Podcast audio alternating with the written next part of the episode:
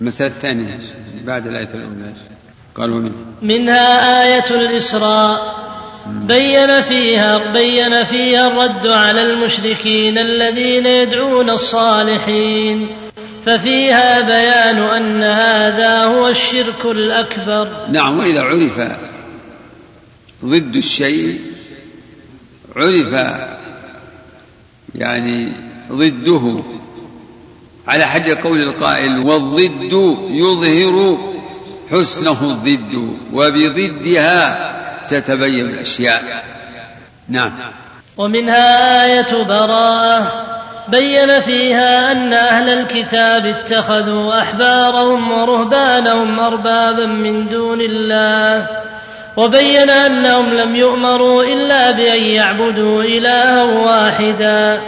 مع أن تفسير الذي لا إشكال فيه طاعة العلماء والعباد في المعصية لا دعاؤهم إياهم. كذلك مما يبين التوحيد يفسره ما ذكره الله في سورة براءة في قوله اتخذوا أحبارهم ورهبانهم أربابا من دون الله. يعني اتخذوا أحبارهم ورهبانهم أربابا يعني آلهة من دون الله. والمسيح ابن مريم وما أمروا إلا ليعبدوا إله واحد. لا إله إلا هو سبحانه عما يشركون. فدلت هذه الآية بالتفسير الذي ورد في قصة عدي بن حاتم حين قال للنبي عليه الصلاة والسلام قدم ووجد الرسول يتلو هذه الآية. فقال عدي لسنا نعبدهم. فقال أليس يحلون لكم الحرام؟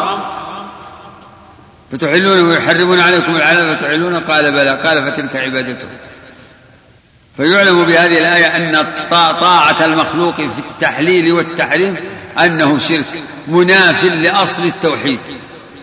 أن شركهم بهم واتخاذهم أربابا أن ذلك بطاعتهم في معصية الله لا دعاءهم إياهم. نعم. ومنها قول الخليل عليه السلام للكفار إنني براء مما تعبدون إلا الذي فطرني فاستثنى من المعبودين ربه وذكر سبحانه أن هذه البراءة وهذه الموالاه هي تفسير شهادة أن لا إله إلا الله. فقال وجعلها كلمة باقية في عقبه لعلهم يرجعون. وكذلك هذه الآية من سورة الزخرف فيها تفسير للتوحيد وأن التوحيد يتضمن البراءة من المشركين وشركهم ومعبوداتهم. كما قال إبراهيم لأبيه وقومه عندما لم يستجيبوا لما لم يستجيبوا تبرأ منهم. براء من أبيه وقومه. وإذ قال إبراهيم لأبيه وقومه إنني براء مما تعبدون. فعلم أن التوحيد يتضمن البراءة من الشرك والمشركين ومعبوداتهم إنني براء مما تعبدون إلا الذي فطرني. هذه البراءة تبين أن التوحيد لا بد أن يتضمن ذلك.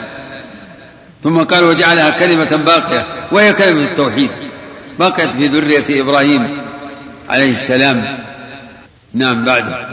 ومنها آية البقرة في الكفار الذين قال فيهم وما هم بخارجين من النار. ذكر أنهم يحبون أندادهم كحب الله فدل على أنهم يحبون الله حبا عظيما ولم يدخلهم في الإسلام فكيف بمن أحب الند أكبر من حب الله؟ فكيف بمن لم يحب إلا الند وحده ولم يحب الله؟ كذلك هذه الآية تدل على أن من الشرك شرك المحبة وأن الذين سووا الله سووا أندادهم بالله في المحبة أنهم متوعدون بالنار وحرمانهم من الخروج وتقطعت بهم الأسباب. قال الذين اتبعوا لو أن لنا كرة ما نتبرأ منهم كما تبرأوا منا. كذلك يريهم الله أعمالهم حسرات عليهم وما هم بخارجين من النار. فعلم أن تسوية غير الله بالله في المحبة أنه من الشرك المنافي للتوحيد بل لأصل التوحيد. نعم. ومنها قوله صلى الله عليه وسلم من قال لا إله إلا الله وكفر بما يعبد من دون الله حرم ماله ودمه وحسابه على الله. وهذا من أعظم ما يبين معنى لا إله إلا الله. فإنه لم يجعل التلفظ بها عاصما للدم والمال بل ولا معرفة معناها مع لفظها بل ولا الإقرار بذلك. بل ولا كونه لا يدعو الا الله وحده لا شريك له بل لا يحرم ماله ودمه, ودمه حتى يضيف إلى ذلك الكفر بما يعبد من دون الله فان شك أو توقف لم يحرم ماله ودمه فيا لها من مسألة ما أعظمها وأجلها ويا له من بيان ما أوضحه وحجة ما أقطعها للمنازع. رحم الله الشيخ هذه المسألة العظيمة. استنبطها من الحديث الذي ذكره في هذا في هذا الباب. من قال لا إله إلا الله كفر بما يعبد من دون الله حرم ماله ودمه وحسابه الله فإن شك أو توقف لم يحرم ماله ودمه. وهي مسألة عظيمة وفائدة كبيرة. فإن هذا الحديث دل على أنه ليس المطلوب هو مجرد لفظها مجرد اللفظ. يقول بل ولا معرفة معناها. بل يقول يعني أفاد الحديث أنه لم يجعل التلفظ بها مجرد التلفظ عاصما للدم والمال. يقول بل ولا معرفة معناها مع لفظها. بل ولا كونه لا يدعو إلا الله. فمتى؟ نعم فلا يعصم فلا يكون قولها له عاصما للدم والمال حتى حتى يقر بمعناها ويتبرأ من ضدها وهو الشرك والمشركين. فهذا الحديث قوله من قال لا إله إلا الله وكفر هو من أجل هذا. والواقع قوله وكفر بما يعبد من دون الله مؤكد لمضمون النفي في كلمة التوحيد حيث يقول لا إله إلا الله. فإذا قال لا إله إلا الله لا تكون عاصما للدم والمال حتى يكفر بالطاغوت ويؤمن بالله. فمن يكفر بالطاغوت ويؤمن بالله فقد استمسك بالعروة الوثقى لا انفصام لها والله سميع عليم. اقرأ المسألة الأخيرة. ومنها قوله صلى الله عليه وسلم من قال لا إله إلا الله وكفر بما يعبد من دون الله حرم ماله ودمه وحسابه على الله وهذا من أعظم ما, ما يبين معنى لا إله إلا الله فإنه لم يجعل التلفظ بها عاصما للدم والمال بل ولا معرفة معناها مع لفظها بل ولا الإقرار بذلك بل ولا كونه لا يدعو إلا الله وحده لا شريك له بل لا يحرم ماله ودمه حتى يضيف إلى ذلك الكفر بما يعبد من دون الله. فإن شك أو توقف لم يحرم ماله ودمه. فيا لها من مسألة ما اعظمها وأجلها ويا له من بيان ما أوضحه وحجة ما أقطعها للمنازع. كلام عظيم وجليل القدر وهو كما ذكر الشيخ أن هذا الحديث الذي فيه ذكر هذا الشرط يدل على أنه لا يكفي مجرد التلفظ بكلمة التوحيد بل ولا معرفة معناها مع لفظها. بل ولو التزم بما تدل عليه من ترك الدعاء بل ولا كونه لا يدعو إلى الله وحده. حتى يضيف إلى إقراره حتى يضيف إليه الكفر بما يعبد من دون الله. قال فإن شك أو توقف لم يحرم ماله ودمه. فإنه لم يجعل التوفى في عاصمة للدم والمال بل ولا معرفة معناها مع بل ولا كونه لا يدعو إلا الله وحده. إلى آخر. بارك الله فيك. أحسن الله إليك. نعم. الله تعالى يقول الأخلاء يومئذ بعضهم لبعض عدو إلا المتقين. وقال صلى الله عليه وسلم فلينظر أحدكم من يخالل. فعلم أن الخلة تكون تثبت بين الأحباب. يعني يمكن أن يقول خليل فلان يعني الذي أحبه. فالذي يظهر أنه لا مانع من أن يقول فلان خليلي ويقول فلان خليلي ويقول الآخر بل أنت خليلي علم أن أن الخلة تكون بين المخلوقين تكون بين المخلوقين ولا أحد يكون ولا وليس لأحد أن يتخذ الله خليلا ويجعل الله خليلا. بل بل المخلوق هو الذي يتخذه الله هو الذي يتخذه الله خليلا كما اتخذ إبراهيم خليلا. نعم. علم. هي مرتبة استرف ما صرف هذه محبة طبيعية. محبة طبيعية شيء آخر. هل من من أحب الطعام والزوجة والولد والمال هل يكون مشركا؟ ما يكون مشرك. إلا إذا طغى حب هذه الأشياء على نفسه حتى سواها بمحبة الله. إيه في حب طبيعي نعم أجل. ومن ذلك الحب في الله. الحب في الله محبة شرعية. هي من تحقيق التوحيد وتكميل التوحيد. كيف يا عصام؟ الحمد لله رب العالمين. والصلاة والسلام على أشرف الأنبياء والمرسلين. نبينا محمد وعلى آله وصحبه أجمعين. قال المؤلف رحمه الله تعالى باب من الشرك لبس الحلقة والخيط ونحوهما لرفع البلاء أو دفعه. وقول الله تعالى قل أفرأيتم ما تدعون من دون الله إن أرادني الله بضر هل هن كاشفات ضره أو أرادني برحمة هل هن ممسكات رحمته قل حسبي الله عليه يتوكل المتوكلون وعن عمران بن حصين رضي الله عنه أن النبي صلى الله عليه وسلم رأى رجلا في يده حلقة من صفر فقال ما هذه؟ قال من الواهنة. فقال انزعها فإنها لا تزيدك إلا وهنا فإنك لو مت وهي عليك ما أفلحت أبدا. رواه أحمد بسند لا بأس به وله عن عقبة بن عامر مرفوعا من تعلق تميمة فلا أتم الله له ومن تعلق ودعة فلا ودع الله له.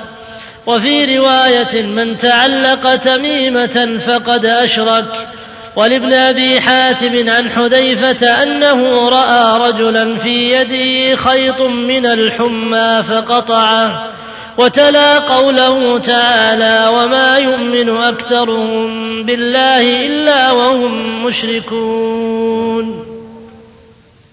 يقول رحمه الله باب من الشرك. أي هذا باب بيان أن من الشرك لبس الحلقة ولبس الخيط.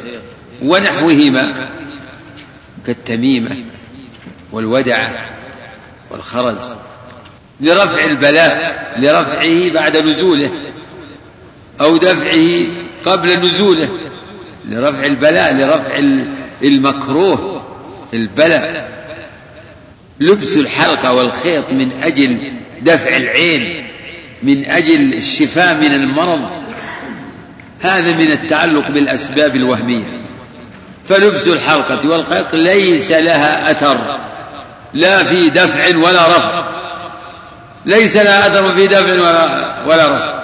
ومن يلبسها لذلك إنما هو يعني لا لا دليل له ولا حجة له إلا مجرد التوهم. وبإيحاء من الشيطان. فإن الشيطان يعني يزين التعلق بالأسباب الوهمية. قال الشيخ رحمه الله وقول الله تعالى قل أفرأيتم ما تدعون من دون الله؟ إن أرادني الله بضر هل هن كاشفة ضره أو أرادني برحمة هل هن ممسكة رحمة؟ هذه الآية جاءت في توبيخ المشركين الذين يتعلقون بالأصنام ويعبدونها من دون الله. يبين سبحانه وتعالى أن ما يعبدونه ويدعونه لا يكشف ضرا ولا يجلب نفعا ولا يمنع خيرا. وإن يمسك الله بالضر فلا كاشف له إلا هو. وإن يردك بخير فلا رد لفضله. وقال هنا هل هن ممسكات رحمته ولا فرأيتم ما تدعون من دون الله. إن أرادني الله بضر هل هن كاشفات ضره بدهي أنها لا تكشف الضر. أو أرادني برحمة هل هل هن ممسكات رحمته؟ فهن لا لا يدفعن لا يمنعن خيرا. ولا يكسبن ضرا ولا يجلبن خيرا.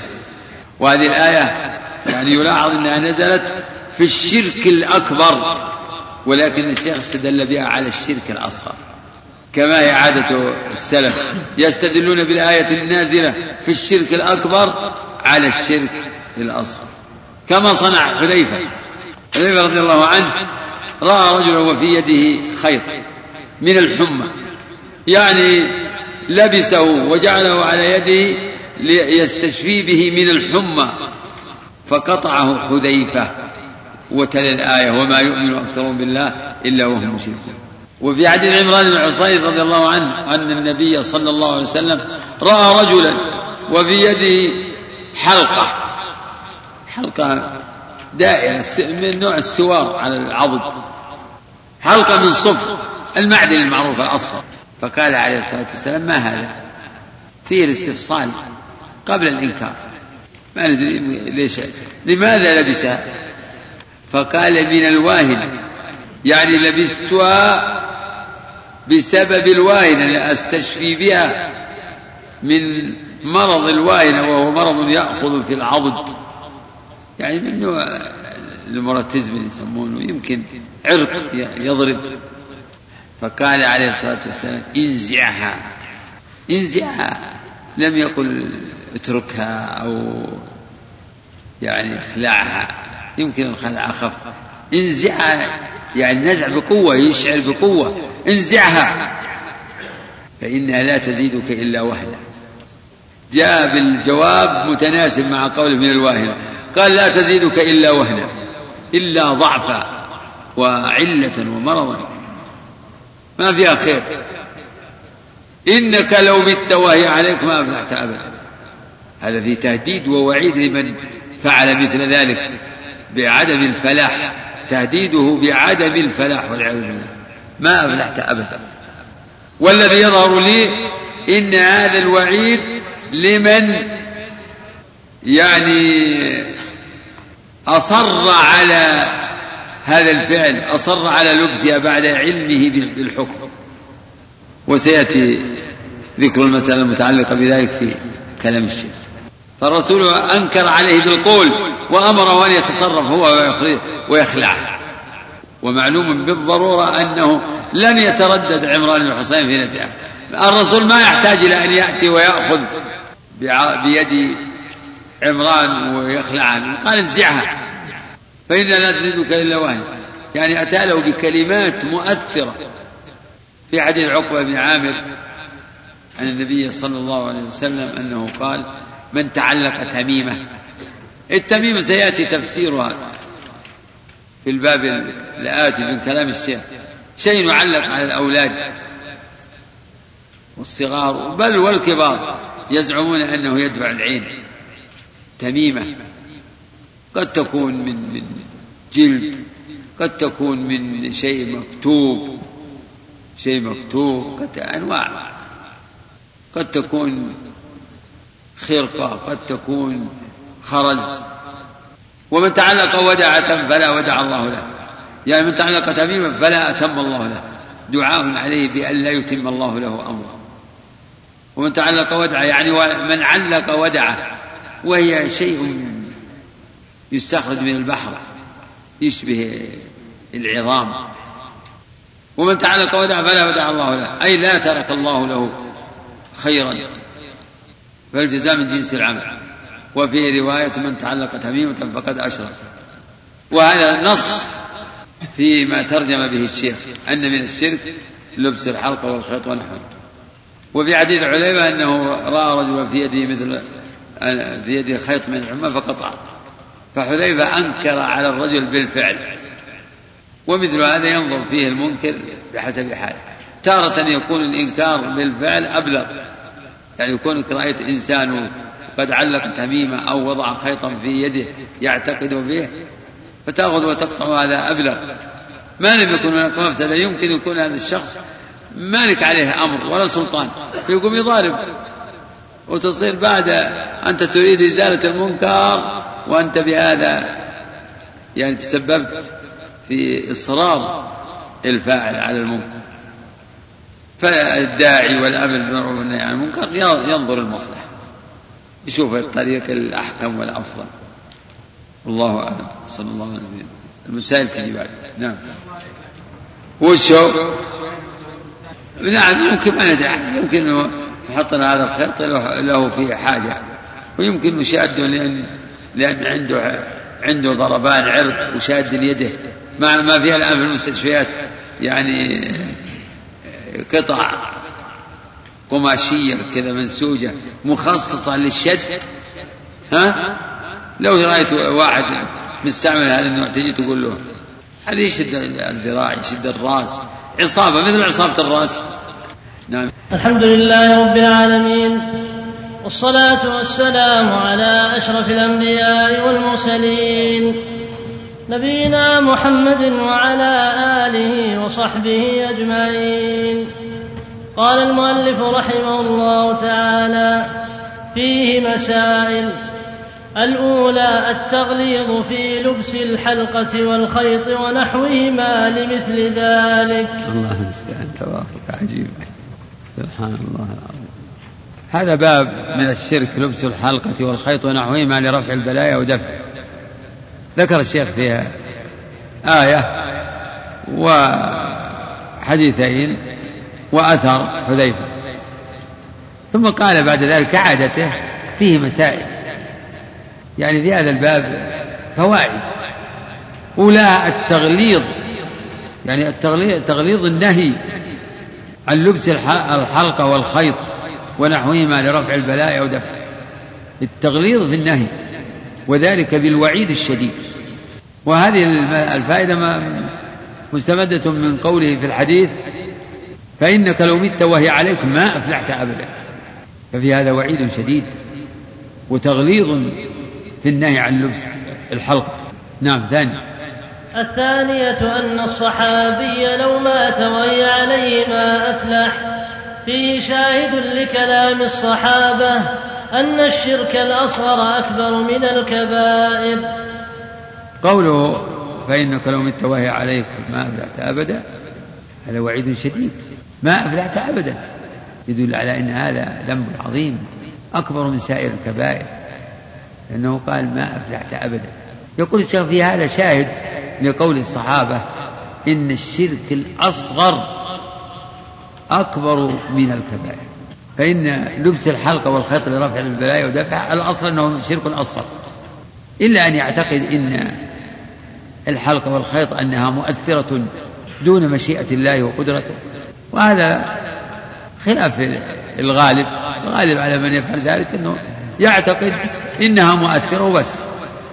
ويغفل عن عن كونها مستقلة عن مشيئة الله وقدرته. قلبه يتعلق بها على أنها سبب وهي من الأسباب الوهمية. سبب وهمي لا لا سبب شرعي ولا كوني بل هو سبب وهمي فهي خرافة. اعتقاد أن لبس الخيط ينفع أو لبس الحلقة ينفع في دفع البلاء ورفعه خرافة. إنه من أنواع الخرافة وهي الأشياء التي لا أصل لها ولا يقتضيها عقل ولا شرع. ومن شواهد ما أشار إليه الشيخ قول ابن مسعود رضي الله عنه لا نحلف بالله كاذبا أحب إلي من أن أحلف بغيره صادقا. فعنده إن الحلف إن الحلف بالله كذبا وهو من كبائر الذنوب أهون من الشرك بالحلف بغير الله. نعم. الثالثة أنه لم يعذر بالجهالة. يقول إنه لم يعذر بالجهالة فالرسول أنكر عليه وشدد في الإنكار وأخبر بأنه لو مات وهي عليه ما أفلح أبدا. وفي هذا نظر فإنه يحتمل, يحتمل وهو الأظهر أن هذا الوعيد مرتب على إصراره.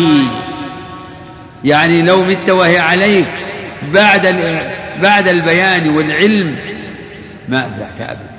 ليس المراد أنك لو مت وهي عليك قبل أن تعلم بتحريم ذلك والوعيد على ذلك لو مت وهي عليك ما أفلحت أبدا.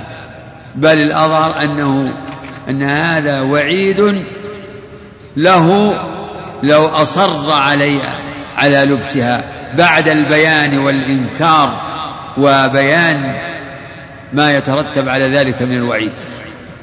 فالأظهر أنه فلو وجدنا إنسان وقد لبس شيئا من ذلك فإنه ينكر عليه ويبين له ولا يقال إنه مستوجب للعذاب ومستحق قل له حتى لو لم يعلم بالحكم فعمران بن حصين لم يعلم بحكم ذلك.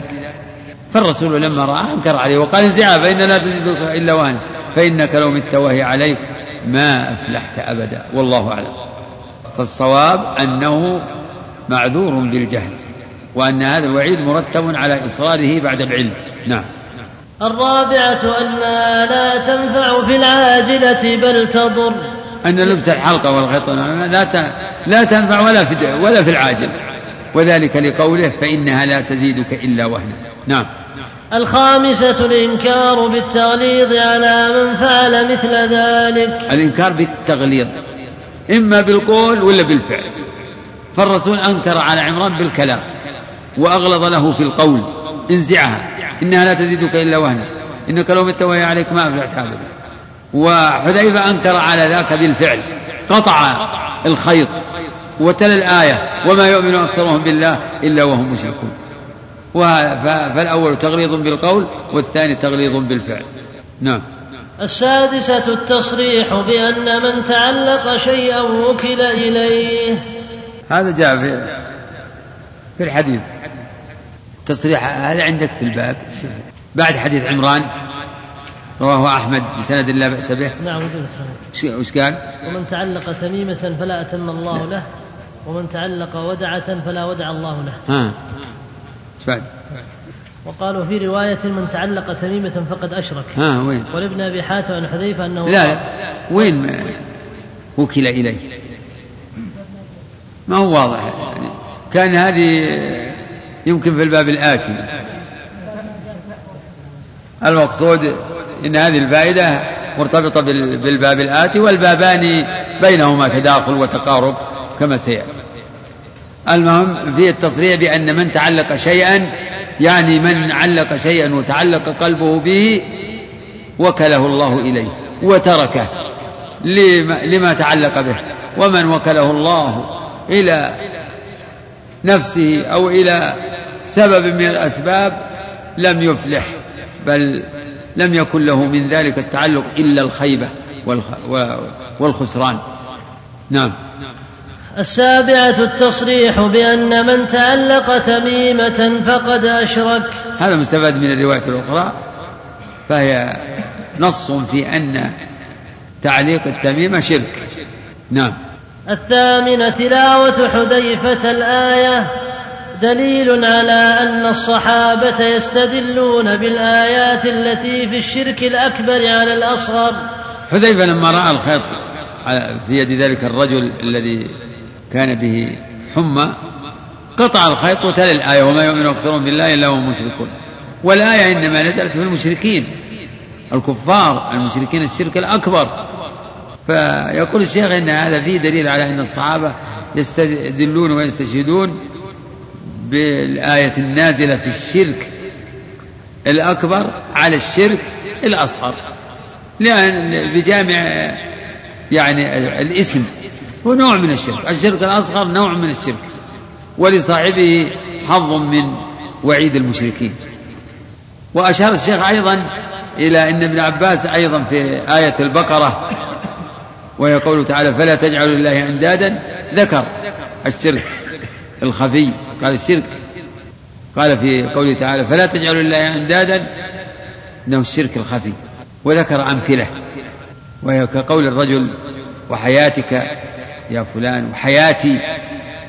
ولولا كليبة هذا لأتانا النصوص ولولا البطول الدار لأتانا النصوص ولولا الله وأنت وهذا من الله ومنك. وهذه الألفاظ كلها من من نوع الشرك الأصغر. ومع ذلك آه، جعلها يعني داخلة جعلها نوع من التنديد وداخلة في عموم فلا تجعلوا لله أندادا وأنتم تعلمون. نعم. التاسعة أن تعليق الودع عن العين من ذلك. أن تعليق الودع تعليق الودع لدفع العين من ذلك. يعني من من من, من قبيل تعليق التمائم ومن نوع الشرك من نوع الشرك يعني فهو داخل في عموم من تعلق تميمة فقد أشرك فتعليق الودع كذلك. نعم. العاشرة الدعاء على من تعلق تميمة أن الله لا يتم له ومن تعلق ودعة فلا ودع الله له أي ترك الله له. فيه الدعاء على من تعلق تميمة لقوله من تعلق تميمة فلا أتم الله. دعاء عليه والدعاء عليه نوع من التغليظ. وكذلك من تعلق ودعة فيه دعاء عليه. في هذا تحذير بالغ من التعلق وتعليق هذه الأشياء. نعم. بعد بعد عندي انتهت هنا انتهت المسائل؟ انتهت العاشرة في النسخة اللي معي أحسن الله عليك. وين؟ النسخة 11 نعم وين المسألة؟ لا شك أن تعليق الخيط من نحو وقد ترجم ترجم له الشيخ في قوله باب من الشرك لبس الحلقة والخيط. وشاهده ودليله أثر حذيفة رضي الله عنه. ولا فرق بين الخيط ولا يعني سواء كان الملبوس خيط من شعر أو من قطن أو من أو من جلد أو كان يعني حلقة من صفر أو من حديد ما دام أنها لبست من أجل رفع البلاء أو دفعه فهذا هو الشرك. فهو من جنس تعليق التميمة وتعليق الودع والله المستعان. نعم. لبس لأي شيء. تفضل. يعني لو حطيت الشد اللي يوجد في الصيدليات على ذراعك هل هذا منه؟ لا. هذا ملبوس يعني لأنه يعني لأن المقصود من شد المكان. ما هو لأن هي هذه لبسها له تأثير مجرد اللبس. لا. مثل عصابة الرأس. الشد اللي تضعه في يدك أو في رجلك مثل عصابة الرأس. علاج بالشد. نعم. أي حط إيش؟ إيه لا هذا غلط أيضا. في امتهان للقرآن. لا لا لا لا لا. أبدا لو يحط تميمة في البيت يعلقها هي هي. لو واحد يأتي ويعلق المصحف أو يضع المصحف يعني معتقد إنه هذا يأتي. لعلكم تذكرون به يأتي في الباب الآتي. باب ما جاء في الرقى والتمائم. كذلك هذا نفس الشيء. ابد ابد لبس سواء لبس الإنسان على نفسه أو أو وضعها على دابته. كما سيأتي في باب ما جاء في الرقى والتمائم. فيه تفصيل أكثر. الباب الآتي آه، في الحقيقة يتضمن زيادة بيان لما تضمنه الباب لما تضمنه الباب قبله. الحمد لله رب العالمين والصلاة والسلام على أشرف الأنبياء والمرسلين. نبينا محمد وعلى آله وصحبه أجمعين. قال المؤلف رحمه الله تعالى باب ما جاء في الرقى والتمائم. في الصحيح عن أبي بشير بشير الأنصاري رضي الله عنه أنه كان مع رسول الله أنه كان مع رسول الله صلى الله عليه وسلم في بعض أسفاره فأرسل رسولا ألا يبقين في رقبة بعير. لا يبقين.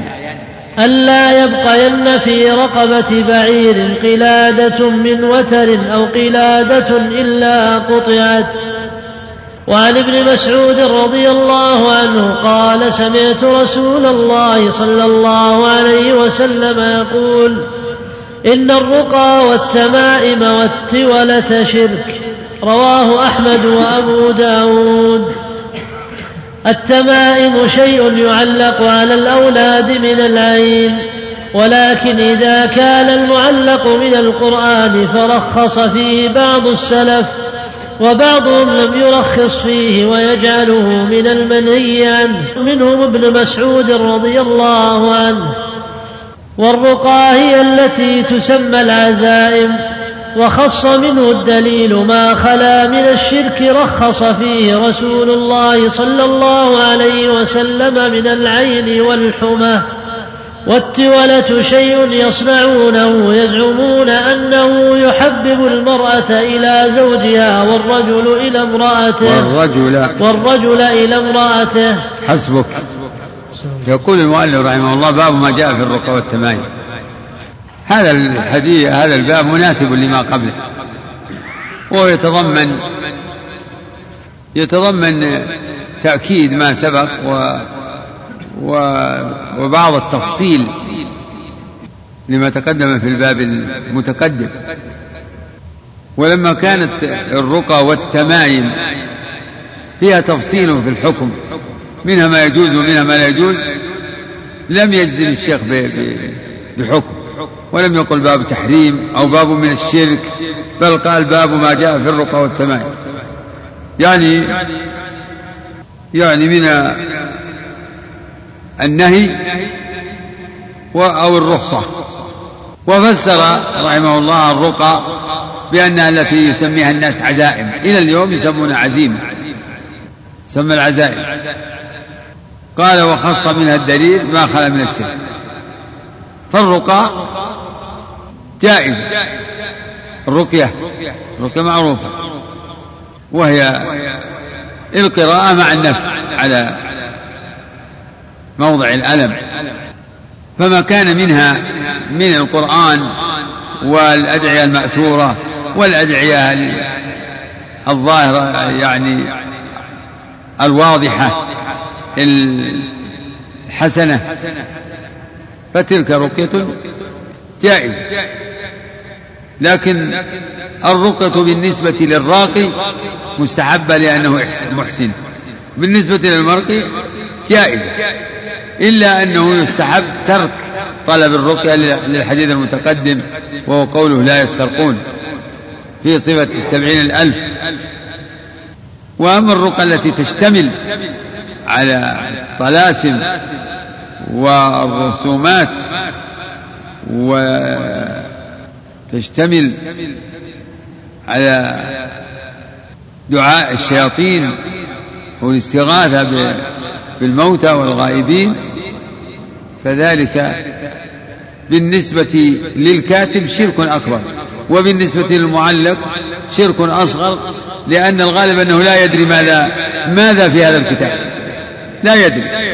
كتاب يكتب فيه ما يكتب ثم يوضع في غلاف. لا يستطيع يعني فكه إلا بتقطيع. قال صلى الله عليه وسلم في الرقى لا بأس بالرقى ما لم تكن شركا. قال اعرضوا علي رقاكم لا بأس بالرقى ما لم تكن شركا. وقال لا رقية إلا من عين أو حمى. فعلم, فعلم أن الرقى فيها تفصيل.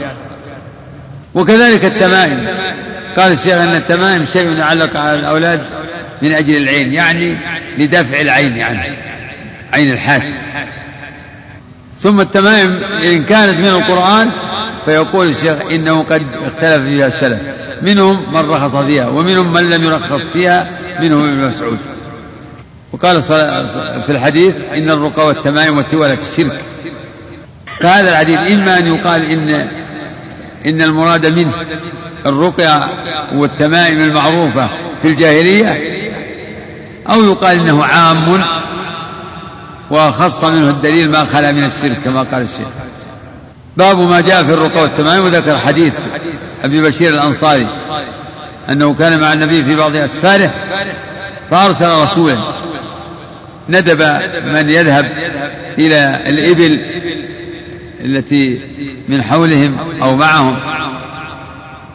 فأرسل رسولا ألا يبقين يعني فقال له لا يبقين النون نون التوكيد. لا يبقين في رقبة بعير. قلادة من وتر أو قلادة إلا قطعت. أو للشك. هل قال عليه الصلاة والسلام لا يبقين في رقبة بعير قلادة من وتر؟ أو قال لا يبقين في رقبة بعير قلادة بس. ولم يقل من وتر. ولا يخفى. لا ينبني على هذا الاختلاف. لا ينبني عليه محذور. وفيه الإرشاد إلى الإنكار بالفعل. فأرسل رسولا ألا يبقين لرقبة بعير قلادة من وتر يعني من جلد أو قلادة إلا قطع. وما يعلق من الخيوط أو من من من أي جنس كان. هذا من نوع التميم كما تقدم في الباب قبله. وسواء هذا التعليق يعني علقه المكلف على نفسه أو على ولده أو على دابته. الكل لا يجوز. كلها تسمى التمائم. وإذا المنية أنشبت أنظارها ألفيت كل تميمة لا تم. ثم ذكر حديث ابن مسعود وتقدمت الإشارة إلى معنى إن الرقى والتمائم والتولة وفسر التولة بأنها شيء يصنعونه يعني السحرة يصنعونه ويزعمون أنه يحبب المرأة إلى زوجها والرجل إلى امرأته. وهذا لا يجوز. وإن كان التحاب بين الزوجين والأخوين أمر مطلوب. لكن هذا حب ليس لا يكون طبيعيا بل يكون نتيجة مؤثر. يجعل الإنسان يحب من غير عقل ولا فكر. بل في الغالب ربما به إلى إلى الحب المفرط الذي يزري به ويجعله في عداد السفهاء. إذا فلا يجوز تعاطي التول. من أجل تحبيب المرأة إلى زوجها وتحبيب الرجل لامرأته بل هذا يطلب من الله سبحانه وتعالى ويتوسل إليه بحسن العشرة. فإن حسن العشرة هي من من أسباب المحبة بين الزوجين. والله أعلم. صلى الله عليه وسلم. نعم؟ بس أنا توهم شو اللي الربط والخيط؟ ليش؟ تعال. الزينة؟ هذا إن كانت امرأة. المقصود أنه إذا يعني كان يوهم أن له في اعتقاد فلا ينبغي فعله ما ينبغي فعله لأنه يغتر به ويظن أنه فعل ذلك الاعتقاد. ومن قواعد الشريعة سد الذرائع المفضة إلى المحرم. والله أعلم. صلى الله عليه وسلم.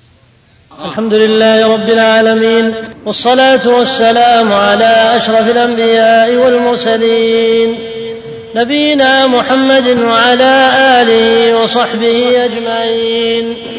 قال المؤلف رحمه الله تعالى وعن عبد الله بن عكيم مرفوعا من تعلق شيئا وكل إليه رواه أحمد والترمذي. وروى أحمد عن رويف قال قال لي رسول الله صلى الله عليه وسلم يا رويفع لعل الحياة ستطول بك. فأخبر الناس أن من عقد لحيته أو تقلد وترا أو استنجى برجيع دابة أو عظم فإن محمدا بريء منه. وعن سعيد بن جبير قال من قطع تميمة من إنسان كان كعدل رقبة رواه وكيع. وله عن إبراهيم قال كانوا يكرهون التمائم كلها من القرآن وغير القرآن. هذه بقية ما أورده الشيخ محمد رحمه الله في باب ما جاء في الرقى والتمائم. ومن ذلك أن عن عبد الله بن عكيم مرفوعة من تعلق شيئا وكل إليه. في هذا التعديل من تعليق التمائم لدفع العين أو لرفع بلاء وأنه إذا تعلق به وعول عليه وكله الله إليه وأعرض الله عنه و ولم ولم يعنى به من تعلق شيئا وكل إليه.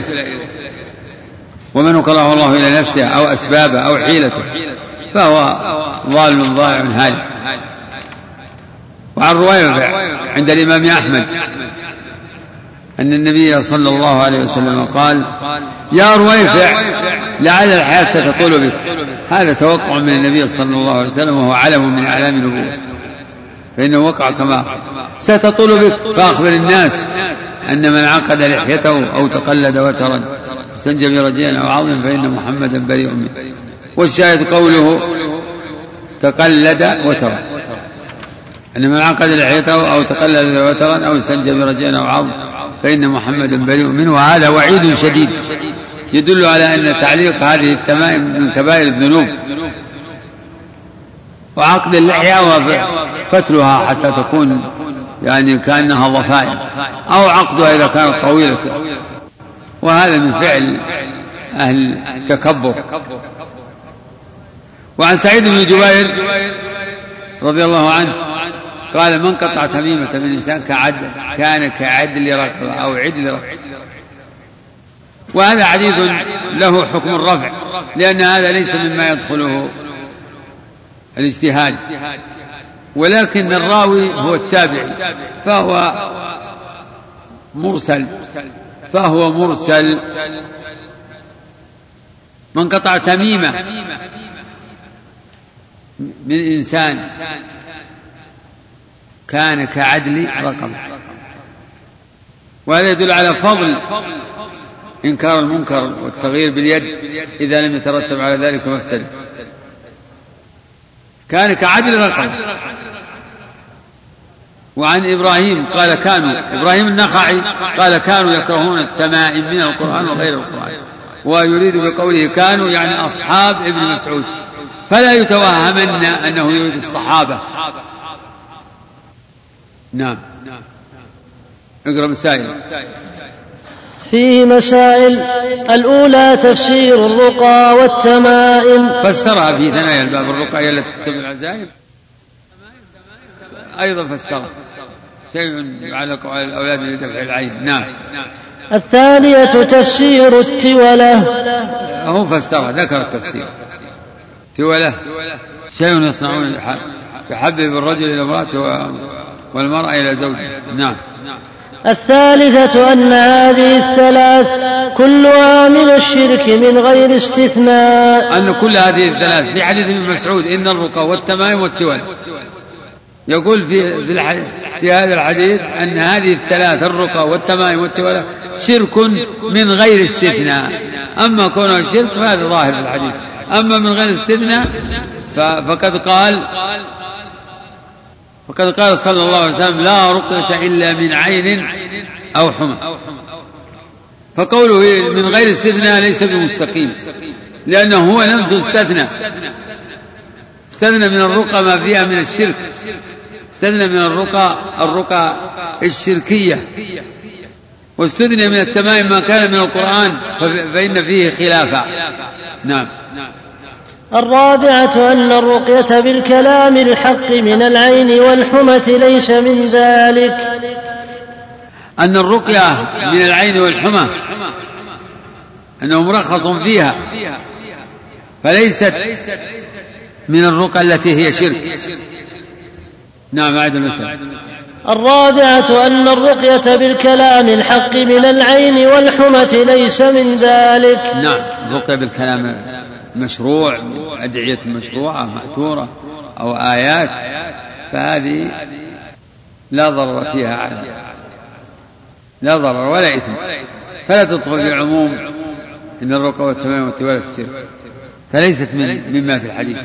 المذكور في الحديث التولى المشتملة على الشرك كما قال صلى الله عليه وسلم. لا بأس بالرقى ما لم تكن شركا نعم. الخامسة أن التميمة إذا كانت من القرآن فقد اختلف العلماء. هل هي من ذلك أم لا؟ يعني من مسائل هذا الباب أن التميمة من القرآن مختلف فيها. فابن مسعود وأصحابه على المنع. وعبد الله بن عمر على الجواز. وهذا قد تقدم. تقدم ترجيح القول بالمنع. نعم. السادسة أن تعليق الأوتار على الدواب عن العين من ذلك. نعم. هذا مأخوذ من حديث حديث بشير. أو عن أبي بشير. عن أبي بشير. أن النبي صلى الله عليه وسلم أنه كان مع النبي في في سفر.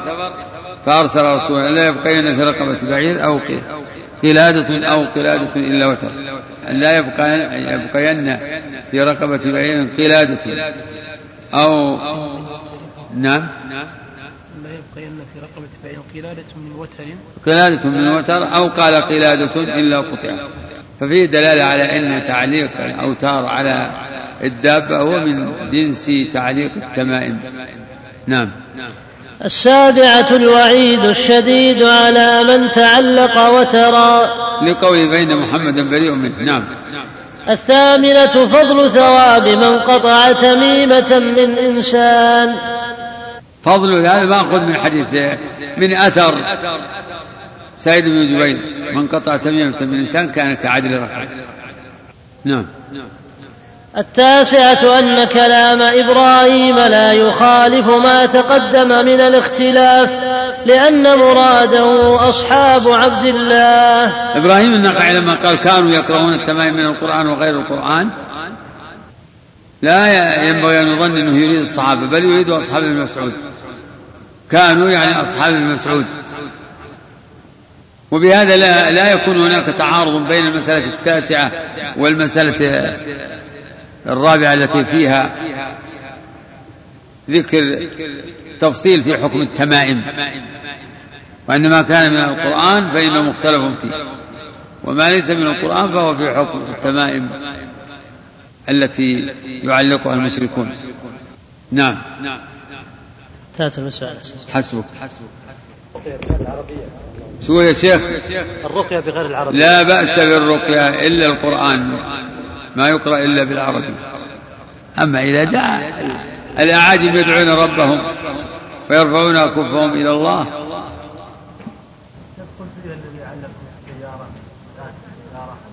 وشو التعليق أسألك بس. التعليق. تعليق دنديش ولا شيء؟ إيش الغرض منه. من علق شيء يريد رفع بلاء أو رفعه أو دفعه. سبحان الله. رد كلام الله وكلام رسوله بعضه إلى بعض. يحمل على إيش؟ على أنه كافر.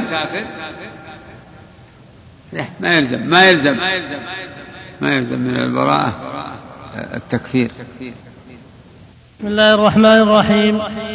الحمد لله رب العالمين. والصلاة والسلام على أشرف الأنبياء والمرسلين. نبينا محمد وعلى آله وصحبه أجمعين. قال المؤلف رحمه الله تعالى باب من تبرك بشجر أو حجر ونحوهما. وقول الله تعالى أفرأيتم اللات والعزى ومناة الثالثة الأخرى؟ وعن أبي واقد الليثي قال خرجنا مع رسول الله صلى الله عليه وسلم إلى حنين ونحن حدثاء عهد بكفر وللمشركين سدرة يعكف يعكفون عندها وينوطون بها أسلحتهم. يقال لها ذات أنواط. فمررنا بسدرة فقلنا يا رسول الله اجعل لنا ذات أنواط كما لهم ذات أنواط. فقال رسول الله صلى الله عليه وسلم الله أكبر إنا السنن قلتم والذي نفسي بيده كما قالت بنو إسرائيل لموسى واجعل لنا إلها كما لهم آلهة. قال إنكم قوم تجهلون لتركبن سنن من كان قبلكم رواه الترمذي وصححه. الحمد لله يقول الشيخ رحمه الله باب من تبرك بشجر أو حجر ونحوهما.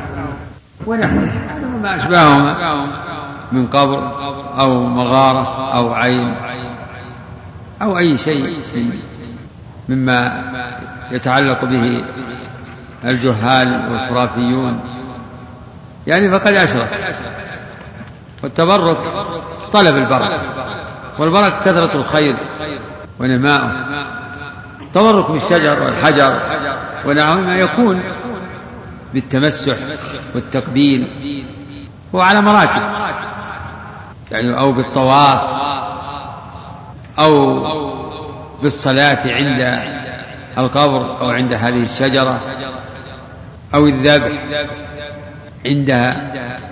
وهذه الأفعال منها ما يكون وسيلة إلى الشرك كالتمسح والتقبيل والصلاة عند القبر أو الذبح عنده لله الصلاة لله عند القبر أو الصلاة أو الذبح لله عند القبر.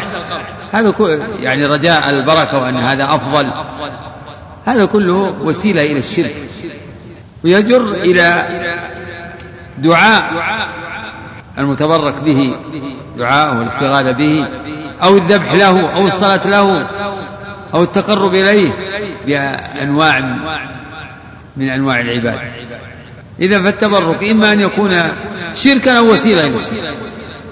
لكن الأشياء منها ما هو يعني مبارك. ومنها أشياء ليس في لم يخصها الله بشيء. فمن اعتقد البركة فيما لم يجعل الله فيه بركة فهو ضال. وإذا ترتب على ذلك أن يتبرك بها كان أيضا فعله باطل مبني على باطل. أما الأمور التي علم أن الله بارك فيها وجعلها مباركة كالمواضع المباركة والأعيان المباركة. فإنه يجب اعتقاد ما لها من خصوصية يجب اعتقاد ما لها من خصوصية. ولكن لا يجوز أن يفعل معها وفيها إلا ما شرع الله. فلا يلزم من كون الشيء مبارك أن تطلب بركته إلا بما شرع الله. تطلب البركة اللي فيه إلا بما شرع. الله يقال هذا موضع مبارك. فالله سبحانه وتعالى أخبر يعني من أفضل البقاع المسجد الحرام. الذي قال الله فيه إن أول بيت وضع للناس الذي بمكة مبارك مبارك. وهدى للعالمين. كيف يكون؟ التعامل يعني كيف يكون؟ يعني مراعاة هذا الفضل يكون بفعل ما شرع.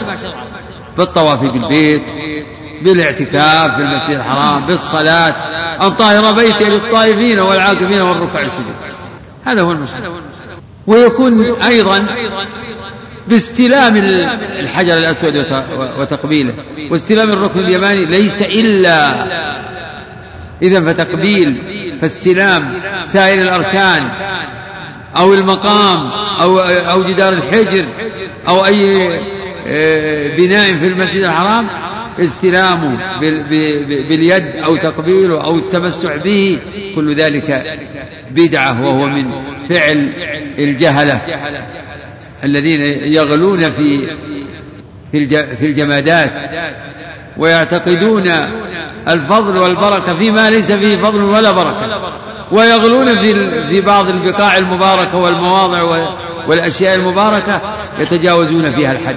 المقام مقام إبراهيم له فضل الله نوه به. في آيات بينات مقام إبراهيم. واتخذوا من مقام إبراهيم مصلى. لكن ليس من من المشروع التمسح به. ولا تقبيله وكذلك أركان البيت. وقد نبه على هذا المعنى الشيخ عبد الرحمن السعدي في تعليقه على هذا الباب في كتابه الوجيز المختصر على كتاب التوحيد. القول السديد شرح كتاب التوحيد. ثم ذكر الشيخ الآية أفرأيتم اللات والعزى؟ وهذه الأصنام أشهر أصنام العرب في الجزيرة العربية. اللات صنم لثقيف بالطائف. قيل إنه صخرة وقيل إنه رجل كان يلت السويق ولكن لا منافاة بينهما فالرجل كان يلت السويق للحاجة على تلك الصخرة فلما مات عكفوا على قبره فعبدوه وعبدوا الصخرة معه. والقراءة المشهورة أن اللات بالتخفيف. تفسر بالصخرة. وقيل أنه اشتق لها هذا الاسم من الإله. فاللات من الإله. كما قالوا في العزى من العزيز ومنات من المنان. ومناسبة هذه الآية للترجمة ظاهرة فإنها يعني دائرة بين بين حجر وشجر. وكان أهل الجاهلية فأما العزة فهي كذلك لقريش. لقريش. في بين وهي عبارة عن شجرات. وقد افتخر بها أبو سفيان لما قال لنا العزى ولا عزى لكم يفتخر بها على المسلمين. يفتخر بها على المسلمين ومنات كانت أيضا للأوس والخزرج وهي في موضع يقال له قديد بين مكة والمدينة وكانوا يهلون منه. فكانوا كان هؤلاء يتبركون بهذه الأوثان. يتبركون بها يطلبون منها البركة لكنهم يتقربون إليها ويعتزون بها ويدعونها وبهذا تظهر مناسبة ذكر هذه الآية. للترجمة. باب من تبرك بشجر أو حجر ونحوه. وحديث أبي واقد مناسبته ظاهرة. فإنهم فإنه رضي الله عنه من مسلمة الفتح. يقول خرجنا مع رسول الله صلى الله صلى الله عليه وسلم إلى حنين. الموضع الذي جرت فيه الموقعة بين المسلمين وبين هوازن خرج وهي وقد وقعت بعد الفتح وشارك فيها كثير من الطلقاء الذين أسلموا بعد الفتح. وكان منهم أبو واقع يقول وللمشركين كنا حدثاء عهد بالكفر يعني عهدنا بالكفر قريب. كانوا يعلل وينبه إلى سبب مقالتهم أنه حداثة عهد وقرب عهد بالكفر وللمشركين سدرة يعكفون عندها وينوطون بها أسلحتهم يعلقون عليها الأسلحة رجاء البركة حتى تكون أسلحتهم يعني جيدة وتصيب الأهداف. قال فضربنا بسدرة. فقلنا يا رسول الله اجعل لنا ذات أنواط كما لهم ذات اجعل لنا سدرة نعلق بها أسلحتنا ونعكف عندها. فالرسول عليه الصلاة والسلام ذكر مقالة بني إسرائيل لموسى فكبر تعجبا من التطابق وإنكارا عليهم فيما قال.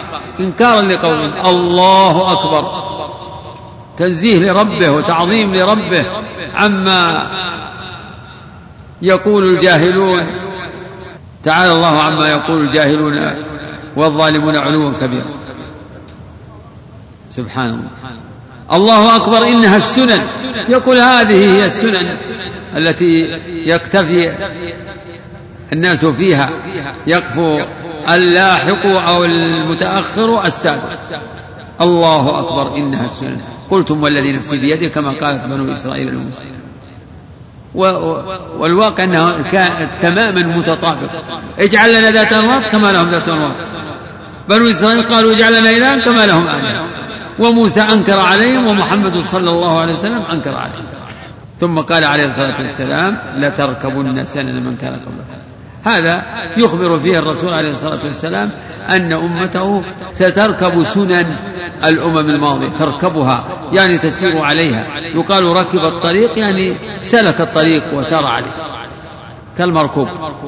وشاهده في الحديث الصحيح المتفق على صحته وهو قوله عليه الصلاة والسلام لتتبعن سنن من كان قبلكم. حذو القدة بالقدة حتى لو دخلوا جحر ضب لدخلتموه قالوا يا رسول الله اليهود والنصارى قال فمن أخذ هذا والله أعلم. صلى الله على نبينا محمد.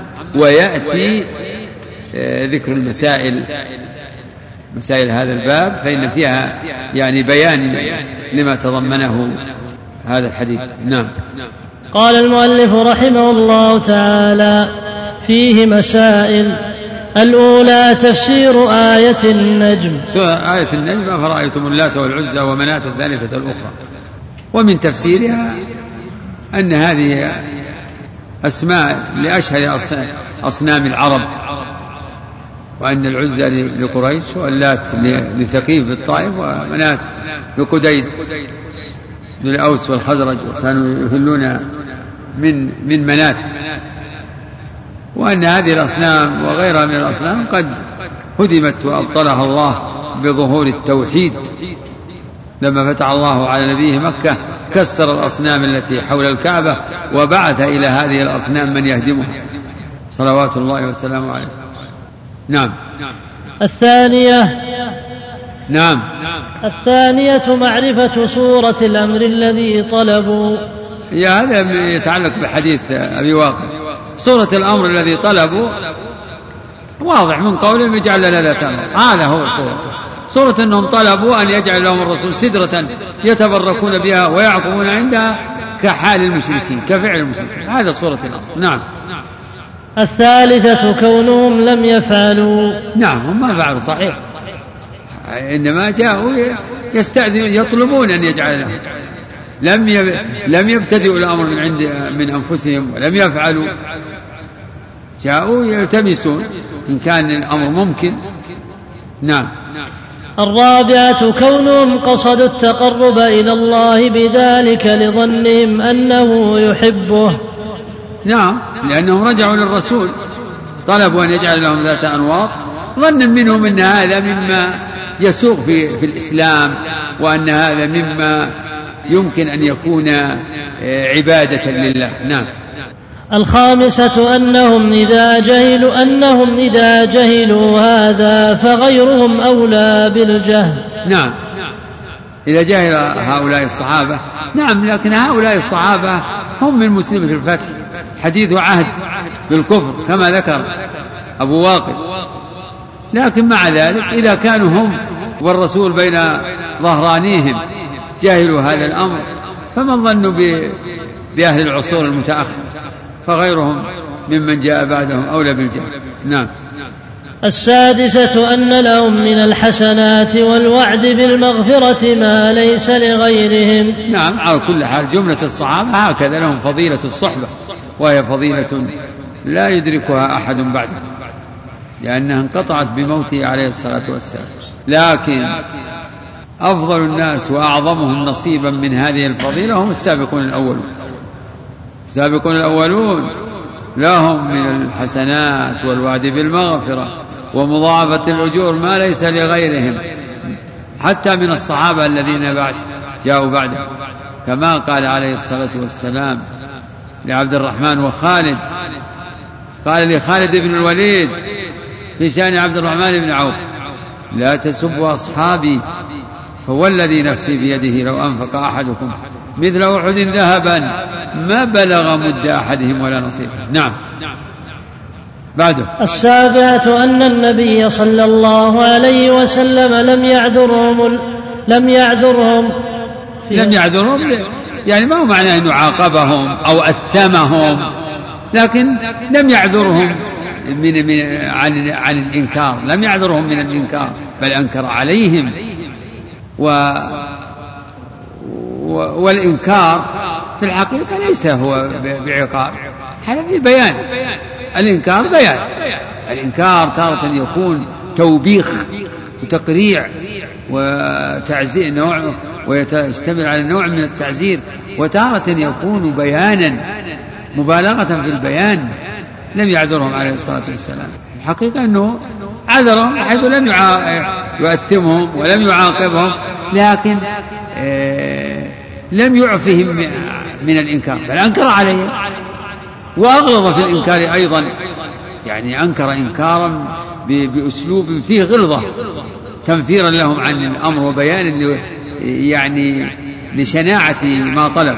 نعم. بل رد عليهم بقوله بقوله الله أكبر إنها السنن نعم. لتتبعن سنن من كان قبلكم فغلظ الأمر بهذه الثلاث. هذا هو الذي تقدم. غلظ الأمر بقوله الله أكبر. إنها سنن قلتم والذي نفسي بيده. ثم قال أخيرا لتركبن سنن من كان قبل. أنكر عليهم إنكارا فيه تغليظ واستنكار وتعجب. نعم.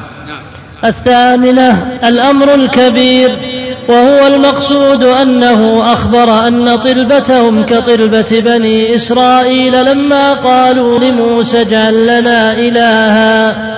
نعم الحديث دل على هذا الأمر العظيم وهو أن طلبتهم مثل طلبة بني إسرائيل وقولهم اجعل لنا إله. هذا يشعر بأن أن الذي طلبوه هم من الشرك الأكبر. طلبوا أن يجعل لهم سدرة كسدرة المشركين يعكفون عندها وينطون بها أسلحة. فشبه يعني طلبتهم كطلبة بني إسرائيل. نعم. التاسعة أن نفي هذا من معنى لا إله إلا الله. نفي نفي اتخاذ السدرة و و وإبطاله هو من معنى لا إله إلا الله. فلا إله إلا الله تتضمن إبطال كل تأليه لغير الله إبطال كل إله من دون الله. أن نفي هذا من معنى لا إله إلا الله. نعم. مع دقته وخفائه على أولئك. مع دقته وخفائه. فكم من شرك هو أكبر لكنه دقيق وخفي. وإن كان أكبر. فالشرك يكون أكبر من جهة الحكم وجلي ولكنه خفي في صورته. نعم. العاشرة أنه حلف على الفتيا وهو لا يحلف إلا لمصلحة. حلف حيث قال والذي نفسي بيده. ففيه دلالة على جواز الحلف على الفتيا على بيان الأحكام وهو لا يحلف إلا لمصلحة. ما حلف إلا لتأكيد هذا الأمر والذي نفسي بيده كما هي عادته عليه الصلاة والسلام في في بعض في كثير من المناسبات يحلف. فوالله الذي فوالله لا يهدي الله بك رجلا واحدا خير لك من حمل النعم. وقال والذي نفسي بيده لقد هممت أن أمر بالصلاة فيؤذن لها ثم أمر رجل فيؤم الناس. إلى قوله والذي نفسي بيده لو يعلم أحدهم أنه يجد عرقا سمينا أو مرماتين حسنتين لشهد العشاء. الحادية عشرة أن الشرك فيه أكبر وأصغر لأنهم لم يرتدوا بهذا. يقول من فوائد حديث أبي واقر الليثي فيه دلالة على أن الشرك فيها أصغر وأكبر. ووجه ذلك كما ذكر أنهم لم يرتدوا بهذا الطلب. هذا وجهه فيما وليس عندي بظاهر. فالذي طلبوه الذي طلبوه يعني هذا أظهر أنه شرك أكبر ويحتمل أنه شرك أصغر. ولو فرض أنه شرك أكبر ما هو فرض؟ إذا إذا كان شرك شركا أكبر وطلبوه استأذنوا فيه ونهوا عنه لم يكفروا بذلك.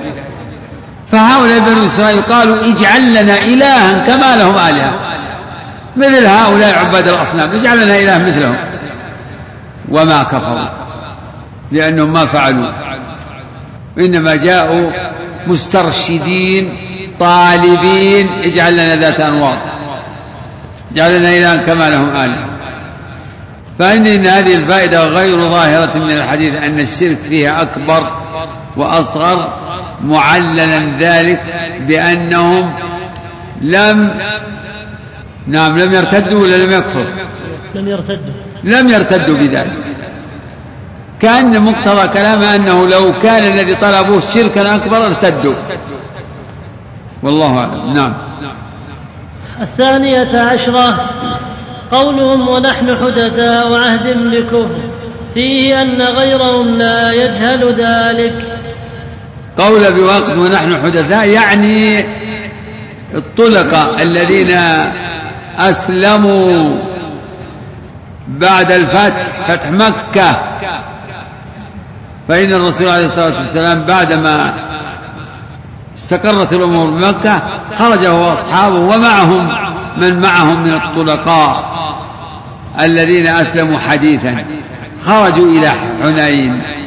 فقوله ونحن حدثاء عهد بكفر يدل على أن غيرهم غير أولئك من السابقين الأولين إنهم لا يجهلون مثل ذلك. إنما غلطهم هم بسبب حداثة عهدهم بالإسلام. نعم. الثالثة عشرة التكبير عند التعجب خلافا لمن كرهه نعم لأن الرسول لما رأى يعني أو قالوا له ما قالوا كبر متعجبا. متعجبا من التطابق الذي بين هذا الواقع وهذه المقالة وقول بني إسرائيل. تطابق اجعلنا ذات نض كما ذات نض هناك اجعلنا إلها كما لهم آلهة. ففيه التكبير عند التعجب خلافا لمن كره. ولكن بعض آه، الخيرين والصالحين استعاضوا عن التصفيق بالتكبير. هذا طيب. لكن ليس على أساس كبروا. بعد أنهم هم يأتون بصوت واحد لا. يكبر كل واحد بحسب ما قام بقلبه من التعجب. الله. الله أكبر. أما أن يصير المسألة مرتبة. إذا قال كذا أو حصلت الحركة الفلانية يكبره. بصوت في يشق العنان. نعم. الرابعة عشرة سد الذرائع. من فوائد هذه القصة سد الذرائع. ولم يبين وجه هذه الفائدة وهذه المسألة.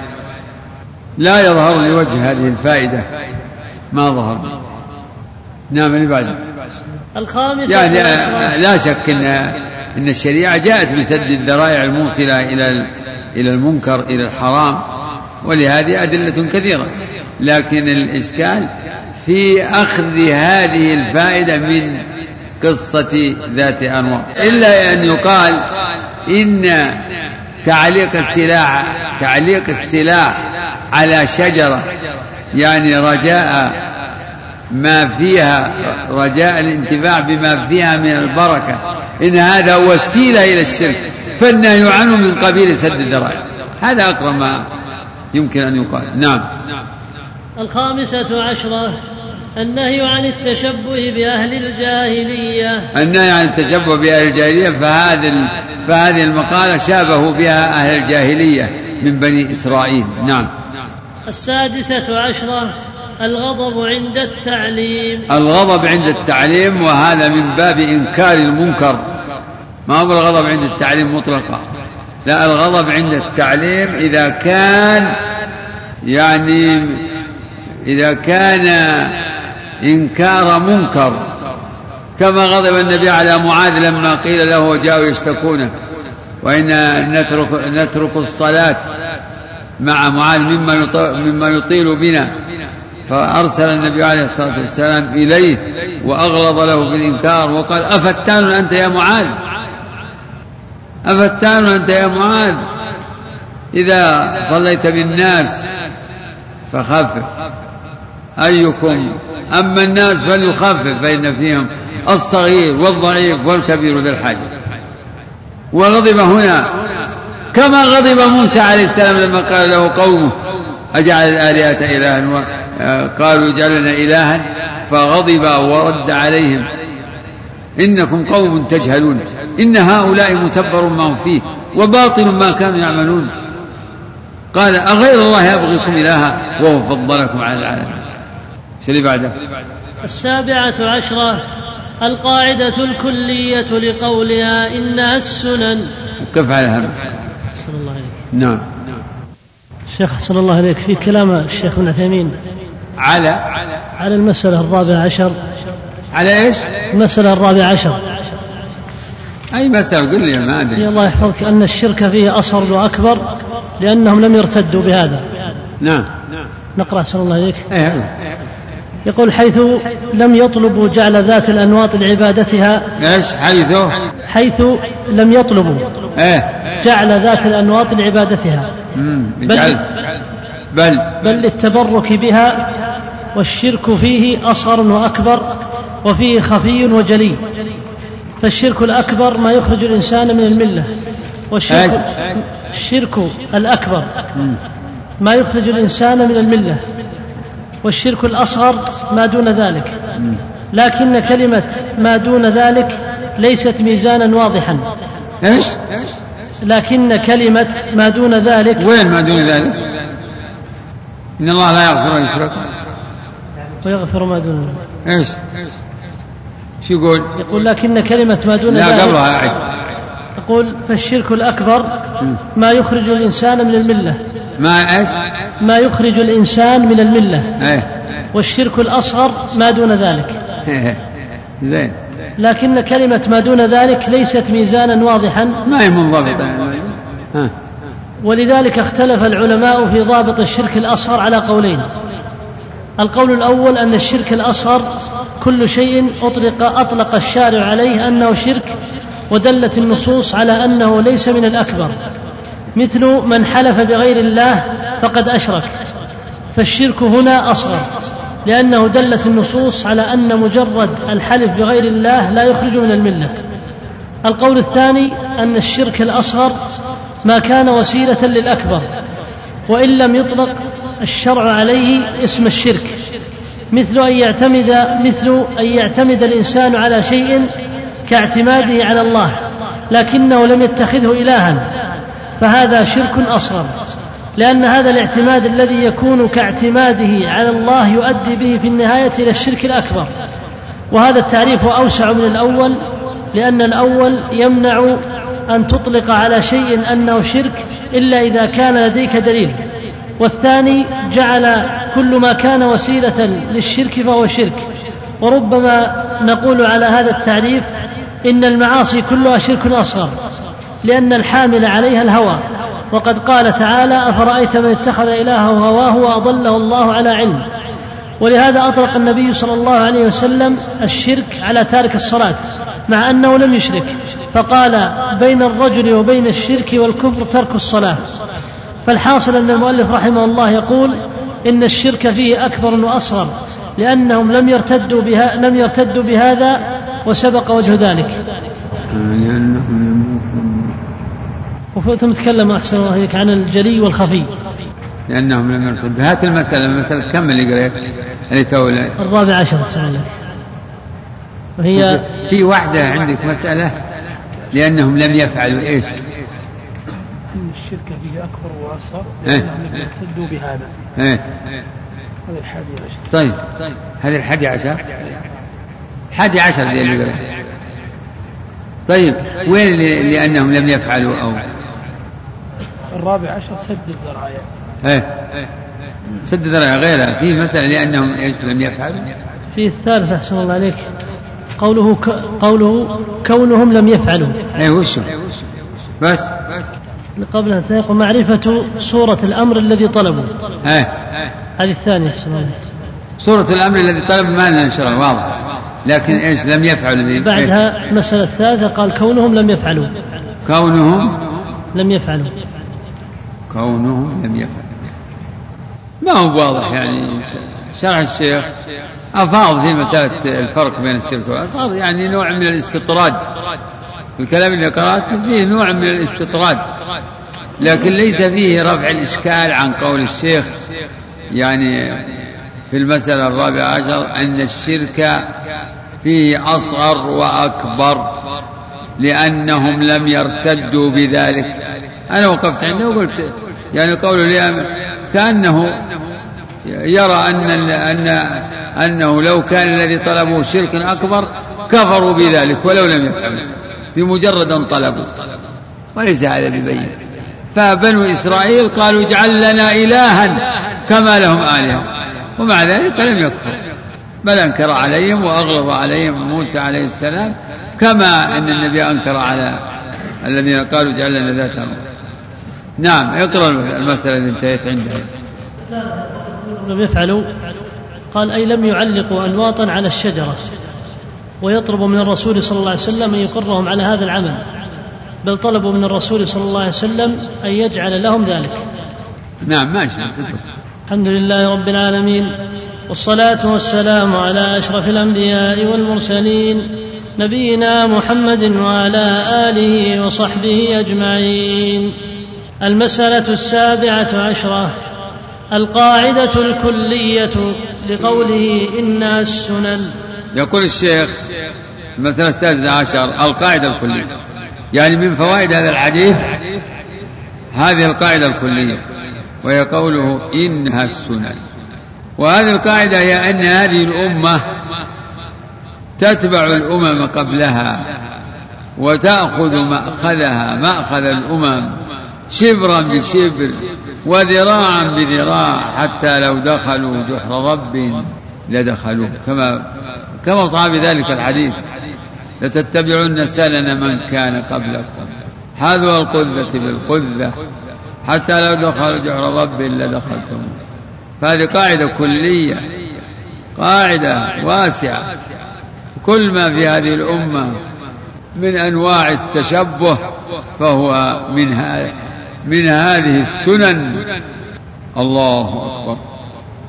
الله أكبر. إنها السنن. لتتبعن سنن من كان قبلكم. نعم. الثامنة عشرة. أن هذا علم من أعلام النبوة لكونه وقع كما أخبر. فيما وقع علم من أعلام النبوة. فقد أخبر عن أن هذه الأمة تتبع سنن من قبلهم. لتتبعن سنن من كان قبلهم. ففيما وقع من هؤلاء في من طلبهم أن يجعل لهم ذات أنواط فيه وقوع ما أخبر به عليه الصلاة والسلام. لذلك فهو علم من أعلام نبوته وأعلام نبوته عليه الصلاة والسلام كثيرة. منها ما ظهر في زمانه ومنها ما يظهر ما ظهر بعد ذلك ولا يزال ولا تزال أعلام نبوته تظهر ويعرفها من يعرفها. يعرفها من بلغته بالنقل عن الرسول عليه الصلاة والسلام ومن عرف الواقع. نعم. التاسعة عشرة أن ما ذم الله به اليهود والنصارى في القرآن أنه لنا. من فوائد هذه القصة أن ما ذم الله به اليهود والنصارى في القرآن فإنه لنا يعني تحذير لنا ونهي لنا عن سلوك مسالكهم والسير على سننهم. ما ذم الله به اليهود والنصارى وغيرهم من طوائف الكفر فيه تحذير لنا. يعني احذروا أن أن تفعلوا فعلهم. ليس المقصود مجرد حكاية أخبار. حكاية أخبار الماضين لمجرد يعني العلم والتسلية. لا في ذم لأولئك وتعذير لنا. نعم. العشرون أنه متقرر عندهم أن العبادات مبناها على الأمر فصار فيه التنبيه على مسائل القبر. أما من ربك فواضح وأما من نبيك فمن إخباره بأنباء الغيب وأما ما دينك فمن قولهم اجعل لنا إلى آخره. عجيبة هذه المسألة.